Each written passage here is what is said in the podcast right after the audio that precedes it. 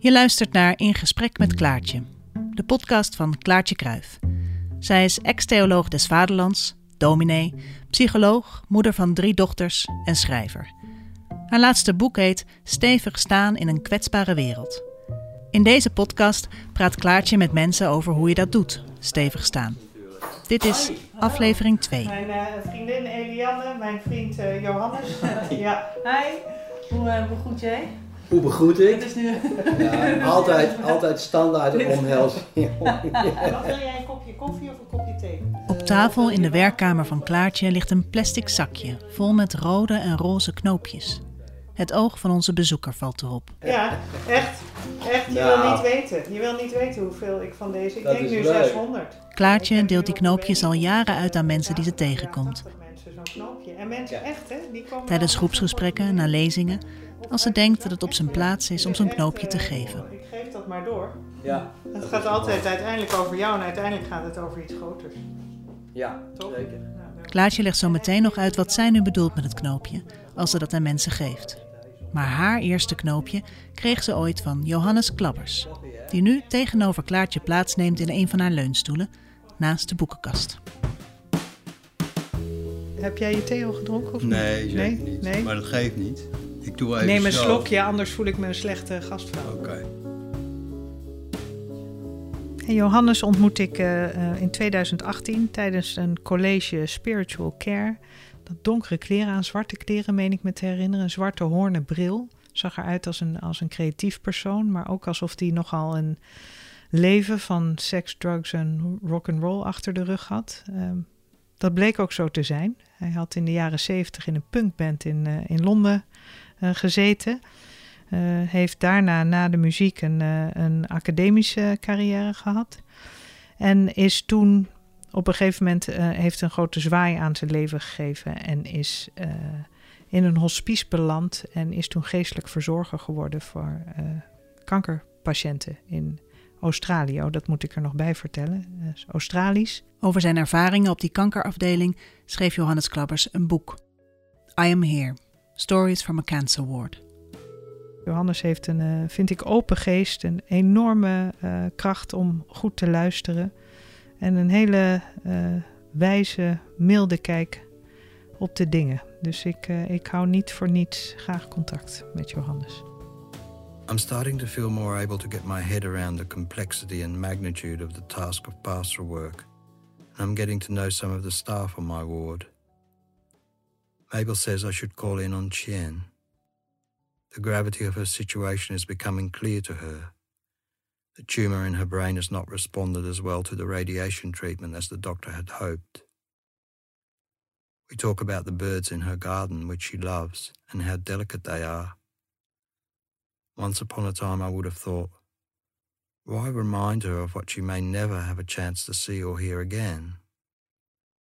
But I've changed my tune, as it were. I get her to describe the colours of their feathers and how they move and the different songs they sing. The delight on her face. My supervisor says, We are followers. Chien wanted to remember her garden, and I followed. For a few minutes, I was able to be there with her. Ja, ja een, een van je vragen die je me stuurde was: hoe luister je? Ja, Ja, hoe luister je naar iemand? En ja, dat is natuurlijk wel een hele ingewikkelde vraag. Je moet openstaan voor iemand. Daar begin je mee. Sta jij open voor die persoon? ja. zoals ze zijn? Of heb je een bepaalde, in het Engels zouden we zeggen, agenda? Ik geloof dat het in het Nederlands ook zo is. Agenda's, ja. Maar ja, een agenda is toch waar je opschrijft. eh, Ja, nou, je kunt, nou je, dan zeggen wij denk ik soms een, eh, een soort eh, dubbele of geheime agenda. Met welke agenda kom je? Zoiets, hè, zeg je ja, dan. Ja, ja, ja, ja. Ja, in het, in het, eh, toen ik hier bij de Vrije Universiteit eh, de Masters in Spiritual Care gedaan heb, toen zei de docent op een gegeven dag: Een geestelijke verzorger heeft geen agenda.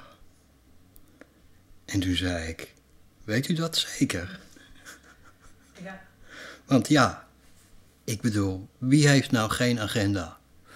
En mijn vraag is aan iedereen die geestelijk verzorger wil worden of wil zijn of is. Of die misschien gewoon goed wil kunnen luisteren naar een ander. Die iemand, ja. Ja. Wat is jouw agenda? Wat wil jij van dit gesprek? En waar gaat dat dan over? Gaat dat over eh, je eigen vooroordelen? Of gaat dat over eh, eh, jouw ego? Of wa- waar gaat dat over, die vraag Ja, van jou? Nou ja, dat is de vraag, hè? Wat wil je eigenlijk? Wil je gewoon openstaan voor iemand? Waarom wil je dat? Ja. Hè? En daarom heet mijn boek I Am Here. Want dat is volgens mij de kern, de essentie is om er te zijn voor iemand. En dan, dan gaat het dus over er zijn als. Ik ben een getuige. Ik ben een getuige voor het lijden van iemand. Bijvoorbeeld als ik in een ziekenhuis met mensen werk die aan het doodgaan zijn, Ja, dan ben ik daar om dat te horen als je daarover wil praten. En mensen die kunnen soms dat zeggen tegen mij omdat ik geen familielid ben. Ze willen niet tegen het familielid zeggen van ik zit er zo vreselijk over in dat ik dood zal gaan. Omdat ze die mensen niet willen belasten, want die mensen die vinden dat vreselijk. ja. Dat, dat het persoon waar zij heel veel om geven, dat die lijdt. En kun je het lijden van iemand waar je heel veel om geeft aanzien?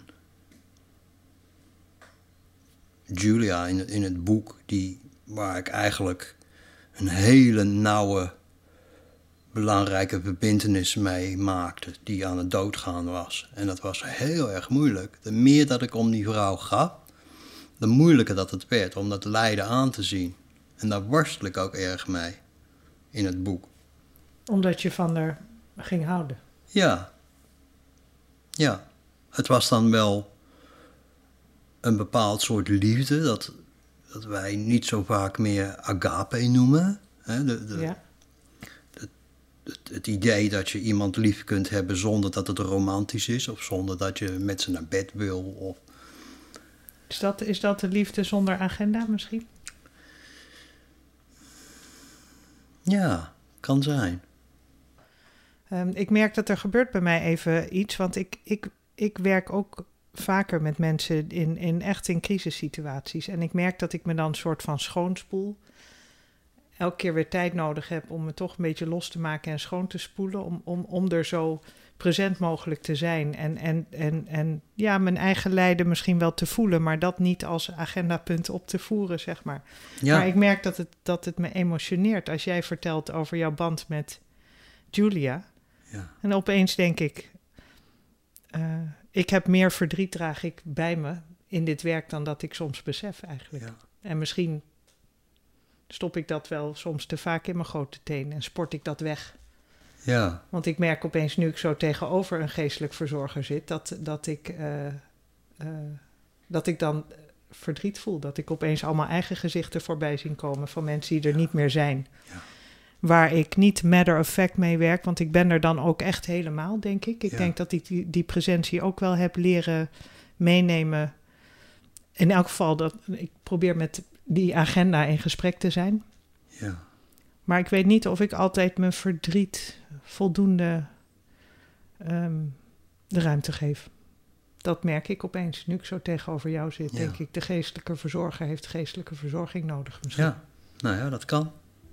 Herken je dat of is dat iets wat ik... eh, Ja, nou ja, ik, ik weet niet of dit past in de, in de podcast, maar eh, Christa die heeft toen eens een keer aan mij voorgesteld dat wij elkaar een soort... ja, dat was onze hoogleraar, zeg maar, hè? onze docent. Ja, klopt. Ja, die had voorgesteld dat wij samen dat voor elkaar zouden kunnen doen. Nou, kijk aan. Dus Ja. die Ja. mogelijkheid is er. Ja, Ja. En ik ben heel goedkoop. ja. Wat fijn. En van jou krijg ik ook dingen. Want ik merk dat voor mij ligt dus eh, eh, jouw boek, I Am Here. Ja, Waar ik veel aan heb gehad. Waar ik, ik vertelde jou net, daar put ik ook uit. Hè. Staat gewoon eh, in het rijtje van mijn belangrijke boeken en mijn bijbels en, en mijn boeken waar ik dingen in opzoek. Feiten die ik ook moet weten. Maar voornamelijk boeken die me inspireren. Dit is er één van. En ik heb in mijn portemonnee Hm. Een rood knoopje. Die kreeg ik van jou ooit tijdens het college Spiritual Care. Die Ja. kregen meer mensen van jou, want we waren toen met een groep van. Zes, zeven? En wij moesten, eh, ik zal dat even toch een beetje inleiden. Wij moesten allemaal vertellen over een contrastervaring in ons leven. Hè? Dus een, een, als ik het even in gewone taal zeg, is dat een ervaring eh, waarbij eh, alles eigenlijk uit je handen geslagen wordt. Waarbij de grond uit, onder je voeten vandaan getrokken wordt. En je eigenlijk gewoon even. Met, dat je echt met lege handen staat. Dat, je, dat, dat een, een, een ervaring waarvan je kan spreken over een voor en een na. Hè? Dus breuken in je leven, zeg maar. En er zat van allerlei eh, interessants in onze groep. En er werden er echt wel grote ervaringen gedeeld. En jij bleef wat eh, achteraf. Jij kwam als laatste. Je had, vond ik, een hele prettige, beetje stille aanwezigheid. Eh, eh, zachte aanwezigheid. Een soort, eh, ja, dat, dat, ik weet niet. Ik vond je ook intrigerend. Want ik dacht, wat heeft die man daar te vertellen die daar nog niks heeft gezegd? Wat zou die gaan zeggen? En toen kwam jij met een verhaal over een rood knoopje. Nou, nou is eigenlijk mijn vraag aan jou. Ja, ik kan het vertellen. Ik heb er inmiddels een verhaal van gemaakt hè, voor mezelf. En ik heb inmiddels, denk ik, 600 van die knoopjes. Ik heb net weer nieuwe besteld. Eh, besteld. En, en die geef ik dus ook door aan mensen in kerkdiensten, eh, tijdens groepen. Dan vertel ik mijn verhaal, eh, wat ik van jou toen heb gekregen. Dan laat ik mijn knoopje zien en dan deel ik ook een knoopje uit. Ehm, maar ik heb daar een verhaal van gemaakt, besef ik. Ja, tuurlijk. Misschien is het, ik zou het eigenlijk heel fijn vinden als jij het verhaal nog eens zou willen vertellen. Waarom bracht je dat eigenlijk in en waarom deelde je dat uit? Ja, een van de dingen waar ik, waar ik heel geïnteresseerd in ben, is wat maakt het dat iets betekenis heeft? Ehm, en de vraag, hè, ik ben katholiek opgevoed, toen, tot ik een jaar of twaalf was, op een katholieke school gezeten. En daar werd er ons altijd verteld dat er, dat bepaalde dingen zijn die zijn heilig. Eh, objecten. Daar moet je heel veel respect voor hebben. Ehm, en ja, dan mag je, eigenlijk, mag je eigenlijk niet aanzitten. Als je die bevoegdheid niet hebt om eraan te zitten. Ehm, en nu of toen dacht ik: wat is het nou eigenlijk dat iets. wa- Wat maakt iets nou heilig? Of in het, het Engelse woord vind ik eigenlijk mooier dan dan het Nederlandse woord. Waarschijnlijk ook omdat ik getraumatiseerd ben door mijn katholieke school. Ehm, wat maakt iets heilig? En Wat is het Engelse woord waar je aan denkt? sacred. Sacred, ja. Ja. Ja. Dus in, niet holy, maar sacred. Ja, wat, wat is het verschil tussen holy en sacred? Ik voel iets, maar ik zou het niet helemaal kunnen uitleggen. Of, Ja, nou ja, holy is, heeft echt te maken met de kerk. Ja, oké. Eh, maar sacred, dat kan eh, verschillende dingen kunnen voor iemand sacred zijn. Die, die, die, dat, dat is voor hun zo, maar niet voor andere mensen. Ehm, dat kan in allerlei culturele eh, contexten gebruikt worden. Maar het is, ja, dus het is net een ander soort idee. Eh, maar toen, had ik, toen ik daarover aan het nadenken was, toen liep ik ergens en toen viel mijn oog op een roze knoop die van iemands jas afgevallen was. En op dat moment dacht ik, eigenlijk kan alles sacred zijn. Iets kan sacred zijn omdat het op het juiste moment op jouw pad komt. En die rode knoop, hè, die heeft zelf eigenlijk helemaal geen betekenis. Dat betekent eigenlijk niks. Die rode knoop die heeft die betekenis voor jou gekregen omdat ik dat op een bepaald moment aan jou gaf. En omdat ik tegen jou zei: Dit is een heel bijzonder object. En door het verhaal dat ik erom vertelde, eh, van die, die, contrastervaring dan die ik in het ziekenhuis meege- eh, meegemaakt heb. Wil je dat nog eens vertellen? Nou, dat was mijn eerste. Op, op de tweede dag dat ik aan mijn training Spiritual Care in Australië begon, toen werd ik de zaal opgestuurd. Toen zeiden ze: Nou, dit is jouw zaal, ga maar met iemand praten. Eigenlijk ook ongelooflijk, hè? Dat je meteen, Ja. meteen in de opleiding Ja. direct... Ja, dat, noemde, dat, dat doen ze nou niet meer zo gauw. Eh, maar toen werd het, eh, toen werd het genoemd eh, throwing you in at the deep end. Ja, nou, dat, Ja. dat gebeurde dus. En dat gebeurde zeker. Ja. Ja. Ja, en toen zaten daar drie mensen. één lag in bed en twee mensen zaten erbij. En die, die waren vreselijk aan het huilen. Alle drie. Helemaal, helemaal compleet. Verdriet dat je kon zien en proeven en horen. En, en dan sta je daar met.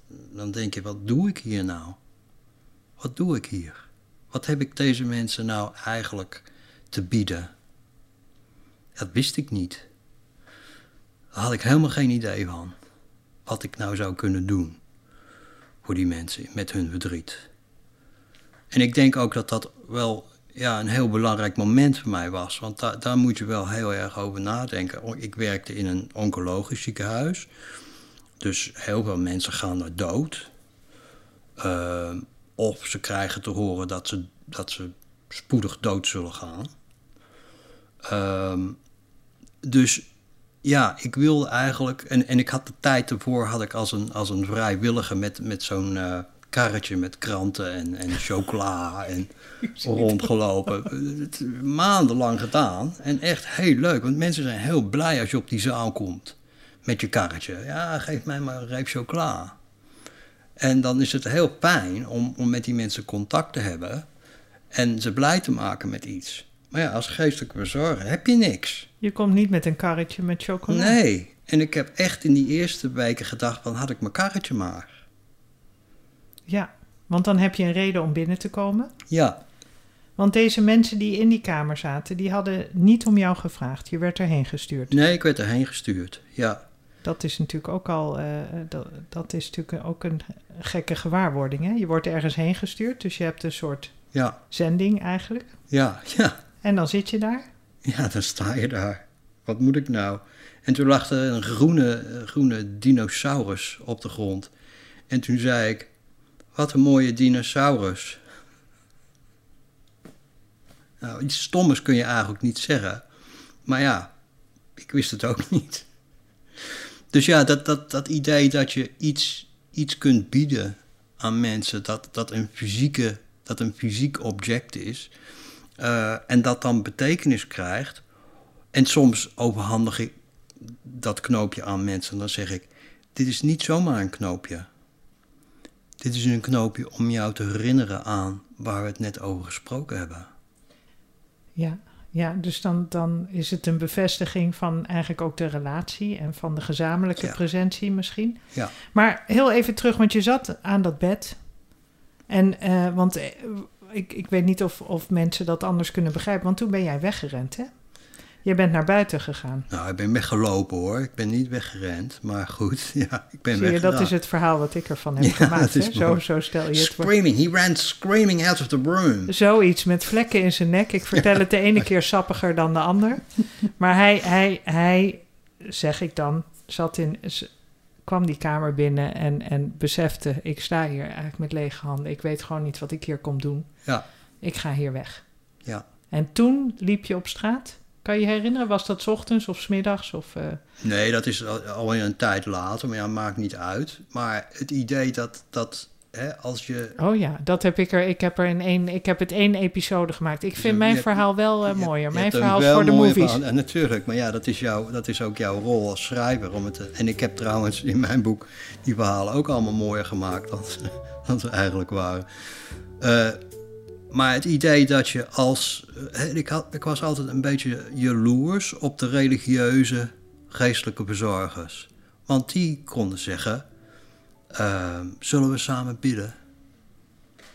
Of ik lees je een, een, een, iets uit de Bijbel voor. Of die hadden een Bijbel ook vaak in hun hand. Gingen ze bij de mensen langs met Maar, want, want jij bent een, hoe heet dat, een ongebonden geestelijk verzorger? Wat, wat, wat, wat ben jij officieel en wat noem je jezelf? Dat zullen ook nog verschillende dingen zijn, jouw kennende. Nou ja, ik ben, ik, ben, ik, ik ben niet van de kerk. Dus ik ben niet van een geloof. Of ik hoor niet bij een, een religieuze eh, organisatie of zo. Dus ik ben ja, zelfstandig of ongebonden. Ja, Eh, en ik geloof ook niet aan God.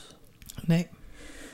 Je hebt je Eh, losgemaakt van die katholieke jeugd, hè? dat is duidelijk. Ja, Ja. ja, ja, Dus ik wilde eigenlijk een manier bedenken om wel geestelijke verzorging te doen met mensen, of spiritual care, mm, die niet eh, te maken had met het een of andere geloof. Waar ik niet eh, zou zeggen tegen die mensen van, nou joh, als je nou maar eens eventjes aan God zou geloven, dan zou je een stuk beter af zijn. Jij, ik hoor jou eigenlijk zeggen, jij had het idee als ik via een geloof zou komen, dan zit ik daar met een agenda. En ik wil juist heel open kunnen luisteren.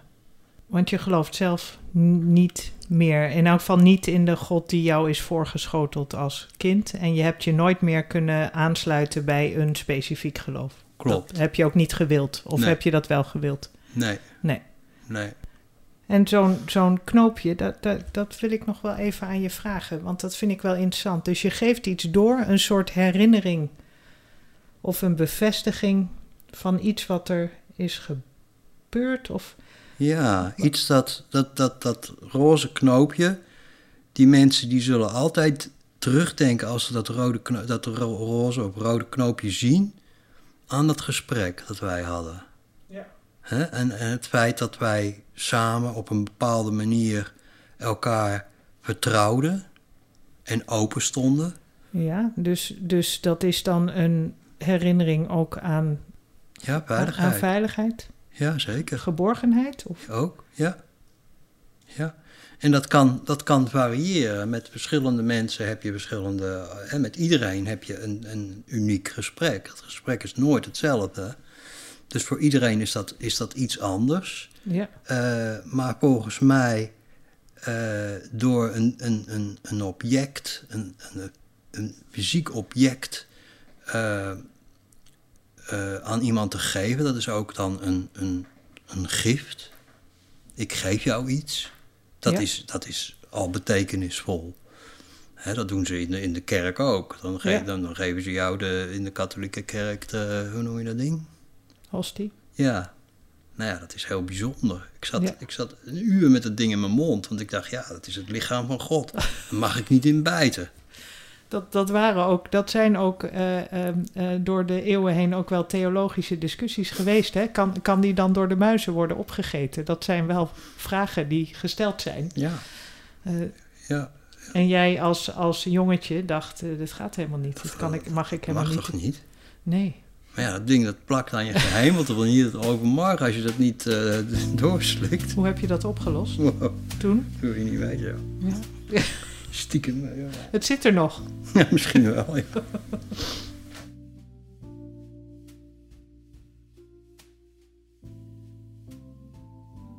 I received my certificate on the day I met Julia. She, much more than the piece of paper, eventually persuaded me that I was qualified as a pastoral worker. The fact that it was on this day that I first met her became very significant to me. We say that was meant to happen about events later, with the benefit of hindsight, but never before it happens. I had noticed a slight shape attached to various tubes in the bed near the window in room 8 of my ward, but it was immobile, having just come onto the ward after surgery.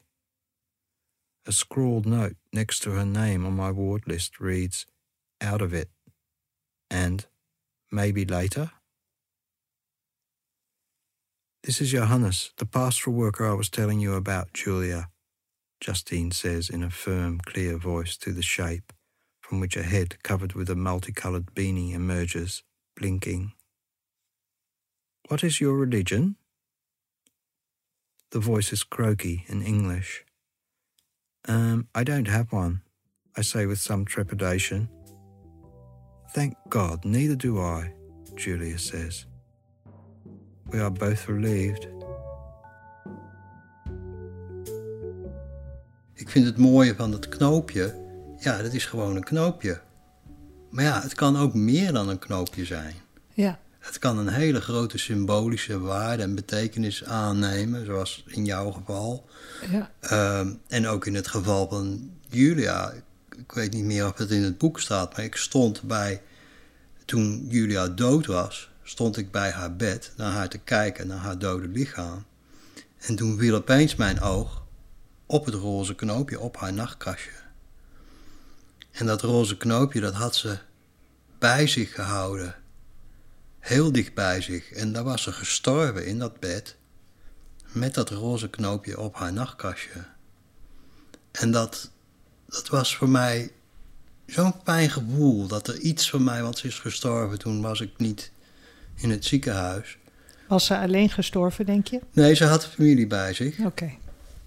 Uh, maar het feit dat er een, iets van mij bij haar was toen ze sterfde.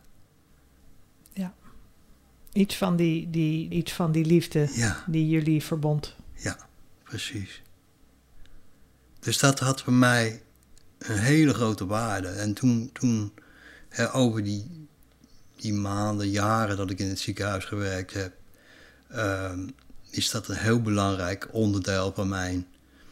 eh, zelfs eh, natuurlijk heel veel mensen ook gesproken waar ik nooit mijn roze knoopje voor de dag haalde. Die zat wel in mijn broekzak. Maar ik had wel iets bij me. En als dat gesprek een, een wending zou nemen waar we niet alleen over het voetbal eh, zouden praten, maar over dingen die echt belangrijk zijn in het leven. Niet dat voetbal niet belangrijk is. eh, dan kon ik dat knoopje tevoorschijn halen en zeggen van, dit is een heel bijzonder knoopje. Maar die knoopjes in jouw zak gaf jou dus ook een soort zelfvertrouwen of een...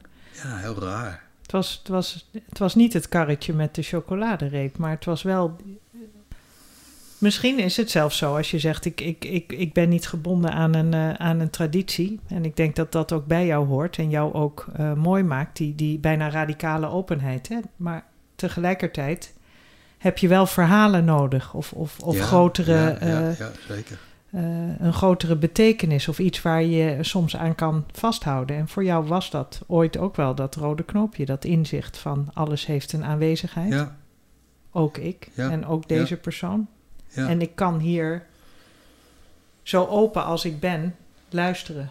Ja, en ik wil ook een, een gebaar kunnen maken. Dat, dat, hè, dat op de een of andere manier toch, dat je het kunt verheven. ja.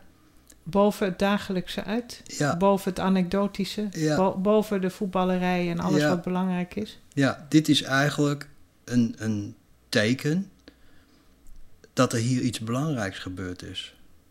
Ja, iets sacraals. Ja, misschien is dat het Nederlandse woord wel. Sacraal. Ja, sacred. Ja, is een mooi woord. En aan het sterfbed gebeuren ook sacrale dingen. Ja, Toch? zeker weten.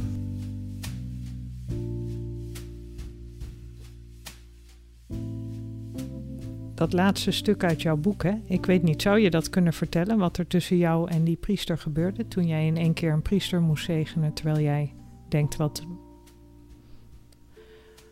Opeens stond, stond je daar weer met lege handen eigenlijk, hè? Dacht je. Ja, maar ja, die, die, die, priester die wilde iets bijzonders dat ik niet kon geven. Want hij wilde dat ik hem zou zegenen. Eh, maar hij had niet door dat ik niet religieus ben. Of tenminste, ik, ik, ik Nee, want jij had, las ik in je boek, gehoord dat die priester was bij eh, de overdracht van je dienst. Op kamer eh, 12b ligt een priester. ja. I would never have thought it possible for a non-believer to console a Christian, but there it is. In a way, it's like speaking German. I don't really speak German, but Dutch is my mother tongue. So I know how to make noises that sound like German, and I know some German words. And when I don't know a word, I just say the Dutch word with a German accent, and I wave my arms around. It seems to work. I get by. Of course, there are specific religious rituals that require an official from that tradition, but even a non believer can do a blessing. I learnt that from Jim, an old Catholic priest who was dying of cancer. I'd had a good chat with Jim about the football and the weather, but when I was saying goodbye, he asked me for a blessing. Shit. I hadn't bargained for that. I'd not outed myself to him as a non believer. There seemed to be no need, and I didn't want to make a point of it, as it might have made him uncomfortable. but I guess I had to now. I can't do that, Jim. Why? I don't know how. It's pretty bloody easy. He seems incredulous. Maybe you can teach me. Okay, he begins. Well, you have to think of God. Well, that's a problem. Why is that? I don't believe in God. We hadden het gewoon over het voetballen. Ja, Eh, een heel leuk gesprek. want allebei liefhebbers of vooral hij? Ja, hij van het ene team, ik van het andere team. Tuurlijk. Maar ja, dan heb je Ja. altijd natuurlijk wat eh, om over te praten. Ja, Eh, maar ja, toen... Dus ik had niet gezegd van... eh hey Jim, het spijt me wel, maar ik geloof niet aan God. Dat vond ik niet nodig. Maar hij nam aan, zoals de meeste geestelijke verzorgers... tenminste toen, in Australië... eh, dat die allemaal van een of ander kerk of geloof zouden zijn. Dus toen zei ik, nou, ik ga weg, Jim. En eh, tot ziens. Kan ik nog wat voor je doen? En die man die, was, die had weken, misschien weken te leven. Maar ja, zoals ik al vaak zeg in mijn boek... eh, soms kun je als geestelijke verzorger alleen maar even met iemand praten... over dingen die eigenlijk niet zo belangrijk zijn. Omdat ze eigenlijk, ja, gewoon een normaal met dubbele aanhalingstekens gesprek willen hebben met iemand. Ze willen niet hebben over het feit dat ze aan het doodgaan zijn en dat ze zo vreselijk lijden en dat het allemaal zo verschrikkelijk is. Maar 9 van de 10 gesprekken die zijn gewoon over koetjes en kalfjes. Of iemand vertelt over, haar, iemand vertelt over haar tuin en die vogels die allemaal zo mooi zijn en de bloemen en de bomen. Dat is allemaal, allemaal prima. Maar dan ga ik niet zeggen van, oh ja, en hoe is het nou eh, voor u om dood te gaan? nee, dat moet uit zichzelf voortkomen uit dat gesprek. tuurlijk. Ja. En ik hoop, ik denk, dat ik door mijn openheid en mijn bereidheid om het lijden van iemand daar getuige van te zijn, dat dat soms gewoon gebeurt. Maar bij deze priester gebeurde dat niet. Eh, toen wou ik weggaan en toen zei hij: Oh, kun je mij alsjeblieft eh, zegenen? Ja, toen stond ik daar. En toen zei ik: Ja, maar dat kan ik niet. Toen zei hij: Waarom niet? Het iets, iets heel raars gezegd had. En toen zei ik: Omdat ik niet in God geloof. En toen zei ik: Maar als ik nou bij jou sta en ik ben hier voor jou en ik denk aan alle dingen in de wereld die goed zijn. Van de mensheid, maar ook van de dieren en de bomen en de rivieren. Toen zei hij, nou, laten we dat eens proberen dan. Okay, Jim says. Try me. Sorry? Try me, do what you're going to do, and I'll tell you if it worked. I put my hand on Jim's arm, and I look into his sad blue eyes for a few seconds. There's something of an old dog in them, one who has been frequently disappointed by his master. Then I take my hand away and nod slightly. That's it? Jim asks. That's it. En toen zei ik na twee minuten van, en, wat vond je ervan? Toen zei hij in het Engels, that will do me. nou, dat was met een grote glimlach op zijn gezicht en het was echt, dat, hè, dat werkte voor hem, dat had betekenis. En dat had helemaal niks met God te maken. Of ja, nou, iemand die in God gelooft, die zegt natuurlijk alles heeft met God te maken. Dat is een Ja. theologisch vraagstuk waar we nu niet in, Nee, eh, nee. op in zullen gaan. nee. Maar zonder eigenlijk ja, een, een eh, duidelijk religieuze eh, intentie of betekenis was het mogelijk om zelfs voor deze man die zijn hele leven een priester was geweest en, en iedereen had proberen te overtuigen dat geloven in God een heel goed idee is, was het toch mogelijk voor mij om iets voor hem te doen dat, dat betekenis had. Ja, en als ik me, en dat is eigenlijk heel pretentieus wat ik nu doe, maar toch, als ik me in hem verplaats, dan denk ik, hij voelde de nabijheid van de liefde die jij te brengen had. Ja. Dus toen dacht hij waarschijnlijk amen. Het is goed zo. Ja. Ja. En, en dat, dat vind ik heel mooi dat je dat zegt. En, en voor mij is het ook zo. Hè. Ik ben helemaal, ik, helemaal geen interesse om met mensen in debat te gaan over God. En of God wel of niet bestaat. Of dat je wel of niet in God moet geloven. Laten we dat achter ons laten. En laten we kijken naar iets anders. Laten we kijken naar mensen die voelen, denken, op de een of andere manier een ervaring hebben van wat ik, wat ik de mystery noem. Ja, er is iets mysterieus. En wat is het nou? Wat, wat is dat nou, dat mystery? Maar, maar we hebben het wel in gemeen. En het maakt niet uit of, je een christen bent, of een moslim, of een boeddhist, of wat dan ook. Uh, uh, wat we gemeen hebben, is dat we interesse hebben in die mysterie. In dat mysterieuze iets. En dat we, sommigen van ons, ons op een hele bepaalde manier verbonden voelen met, die, met dat mysterieuze. En sommige mensen zeggen, nou, dat mysterieus, dat heeft een naam. En die naam is, vul maar in wat je geloof is. Dat vind ik allemaal best, dat mag jij geloven, daar ben ik blij om. Maakt me niet uit. Het feit gaat om, die, om dat mysterieuze en dat verbindt ons. Ja. En ik merk dat toen ik jou ontmoette, uh, want we hadden dan een, een serie uh, bijeenkomsten en bij koffieautomaten uh, meldde ik me eigenlijk direct bij jou een aantal keer. En dan hadden we een mooi gesprek. En dan dacht ik, die man die moet gewoon bij ons in de kerk. In Amsterdam werkte ik toen nog, ik zit nu in, in Bussum. Maar van die moet bij ons in de kerk komen vertellen. En, want, want, want wij begrijpen elkaar helemaal. En dat wilde ik jou ook zo graag uitleggen. En dan dacht ik, nou, maar daar, ik merkte bij jou dat ik dacht, het zijn allemaal weer mijn categorieën is mijn agenda.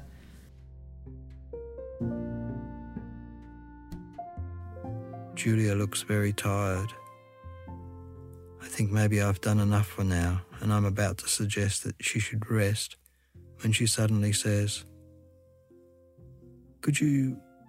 could you hold my hand? Okay.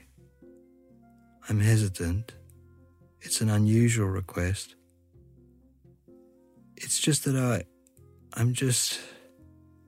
I just need some human contact, some warmth, you know?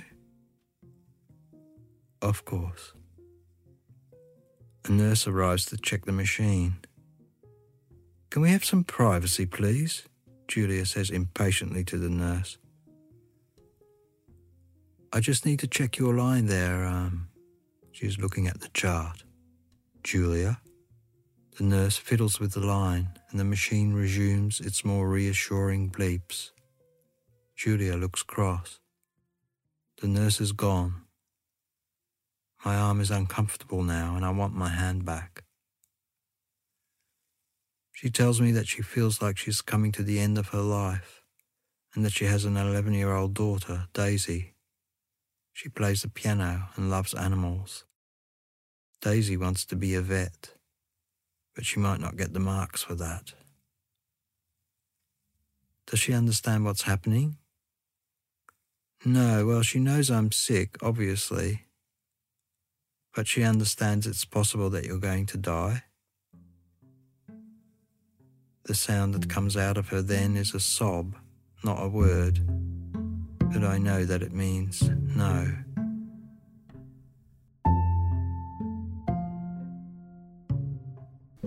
Dankjewel Fijn. voor dit gesprek. Dankjewel.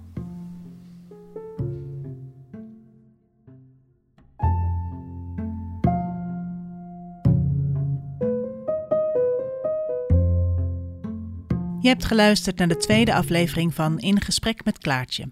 De podcast van Klaartje Kruif, die uitkomt bij haar boek Stevig staan in een kwetsbare wereld. Hartelijk dank aan Johannes Klabbers voor zijn verhaal en de fragmenten uit zijn boek I Am Here Stories from a Cancer Ward.